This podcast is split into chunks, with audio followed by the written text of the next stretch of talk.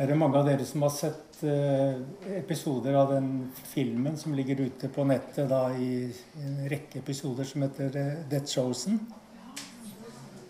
Jeg tror faktisk alle har det. Så å si alle kjenner de her. Det er altså eh, For de som ikke har sett det, så er det sånne få, små filmsnutter. Ja, de er på 20 minutter til en time. Spiller episoder i Jesu liv og som ligger ute på nettet til gratis avbenyttelse. Vi er en liten gjeng her i, i stallen som på tirsdagene er samla i kirkestua der. Eh, veldig liten gjeng. Og vi snakker sammen, og vi ser en episode av The Chosen. Og Sist gang, nå på tirsdag, så så vi en, en episode fra sesong to. Og der ser vi en eh, scene. Det er på kvelden. Og disiplene til Jesus står i ring rundt et bål og snakker om hvordan de har levd med forventningene om Messias. Kan dere se det for dere? Disiplene til Jesus står da om kvelden her rundt det her leirbålet og snakker sammen om Messias-forventningene som de som jøder har levd med hele livet. De har alle sammen vokst opp med sterke religiøse tradisjoner. Og hvis vi står der og diskuterer omstendighetene omkring Messias komme, forventningene om Messias komme, så er det en av disiplene der i den scenen her da, som siterer en profesi som jeg ikke har vært i stand til å finne. Men han siterer altså en profesi om at hele folket i Israel måtte være hellige den dagen Messias skulle komme. Og en av de andre disiplene som står der i ringen, han har han svarer, eller, siter, eller svarer litt flåsete at hvis alle skulle bli hellige og rensa, så måtte de begynne med å rense The Red Light District. Eller altså prostitusjonskvarteret. Han sier det litt sånn flåsete. Så står jo Maria Magdalena der i ringen blant disiplene.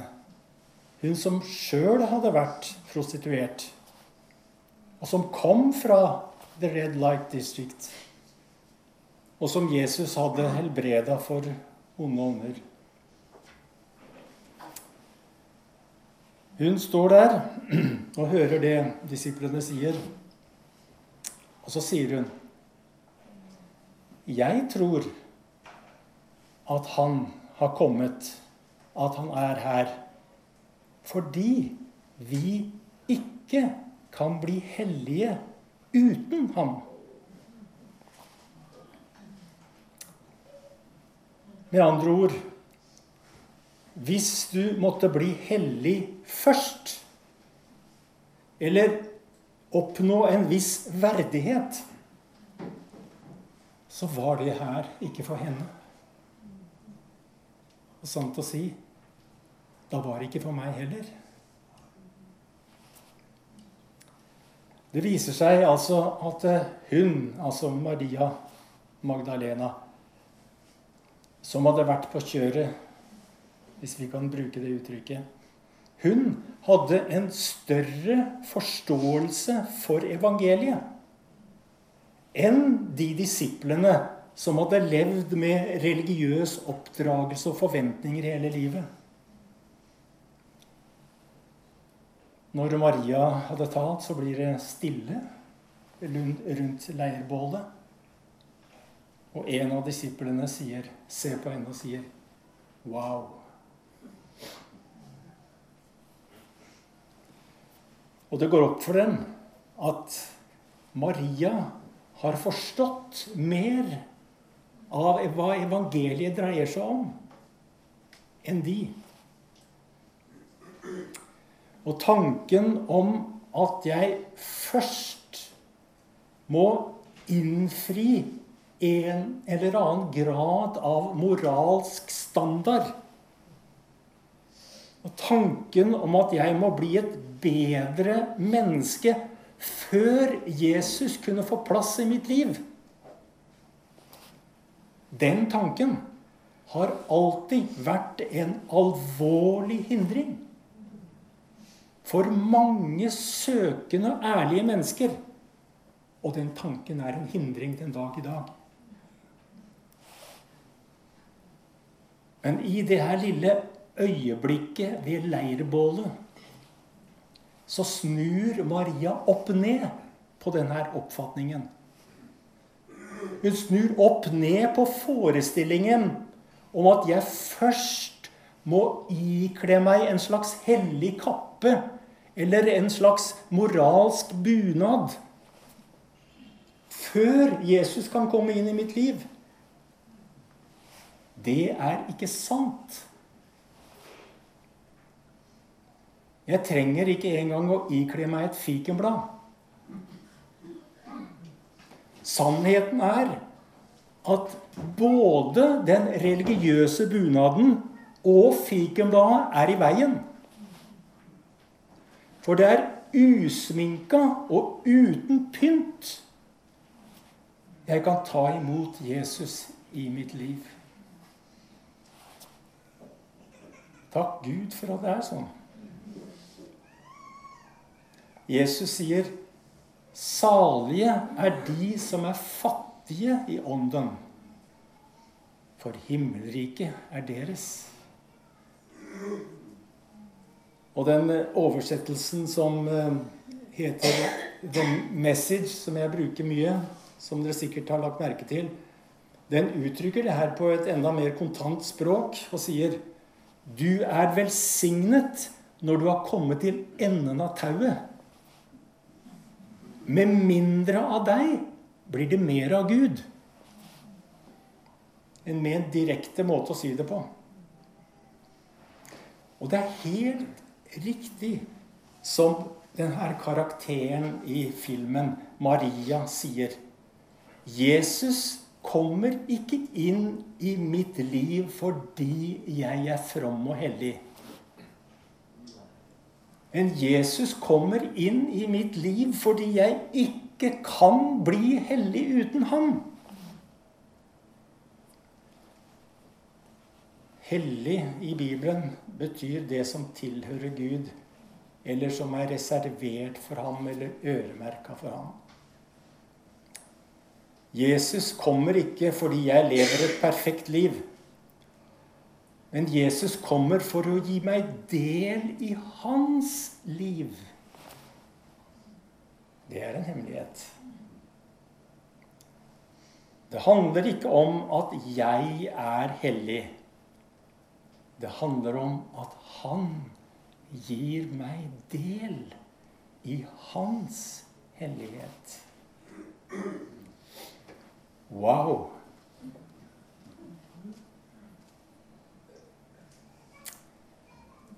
Maria Magdalena. Vi trenger ditt blikk for å se evangeliet. Maria, vi trenger ditt blikk for å se hva som er sentrum i evangeliet.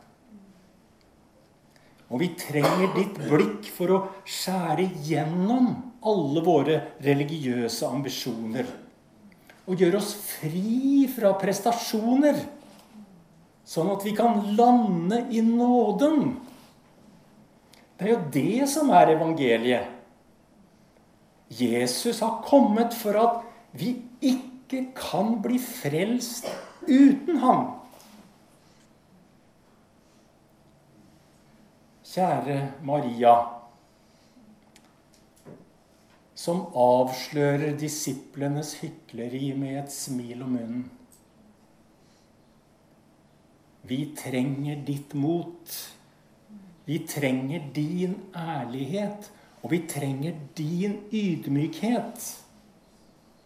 Du kan hjelpe oss til å skille mellom det som er sentrum, og det som er periferi. I Matteus evangelium, det femte kapittel, sier Jesus Ingen tenner et lys og setter det under ei bøtte. Men du setter lyset i en stake, så det lyser for alle. Vet, hvis du tenner et lys og setter det under ei bøtte, da lyser det bare for de som er inni bøtta.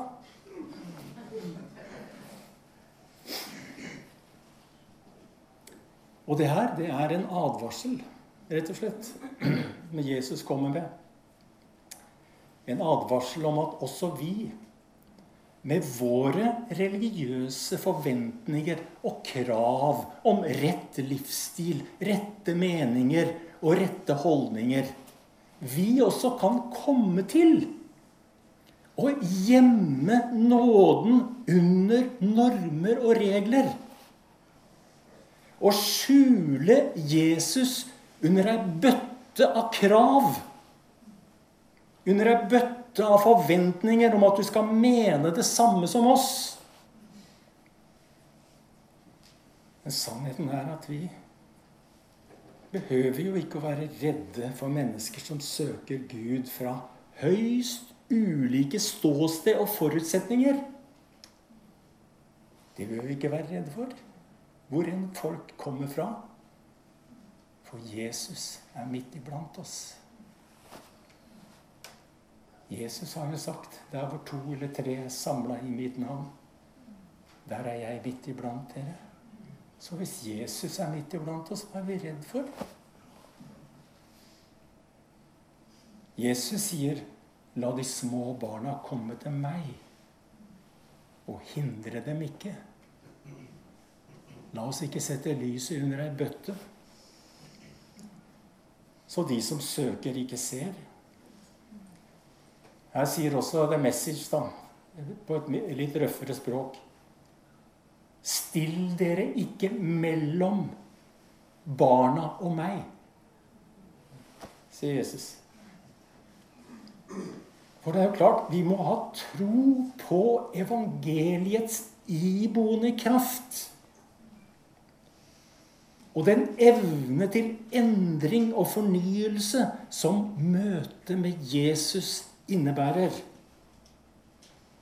Kom til meg, sier Jesus. Kom til meg, alle dere som strever og bærer tunge byrder, og jeg vil gi dere hvile.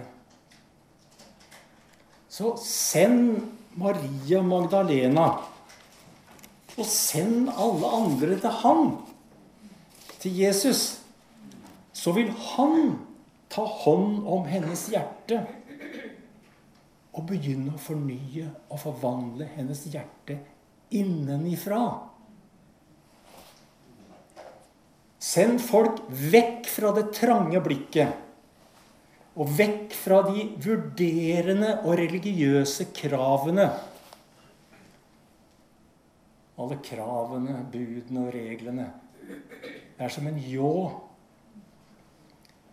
veldig effektivt å legge gresset flatt, men planter ingen nye blomster.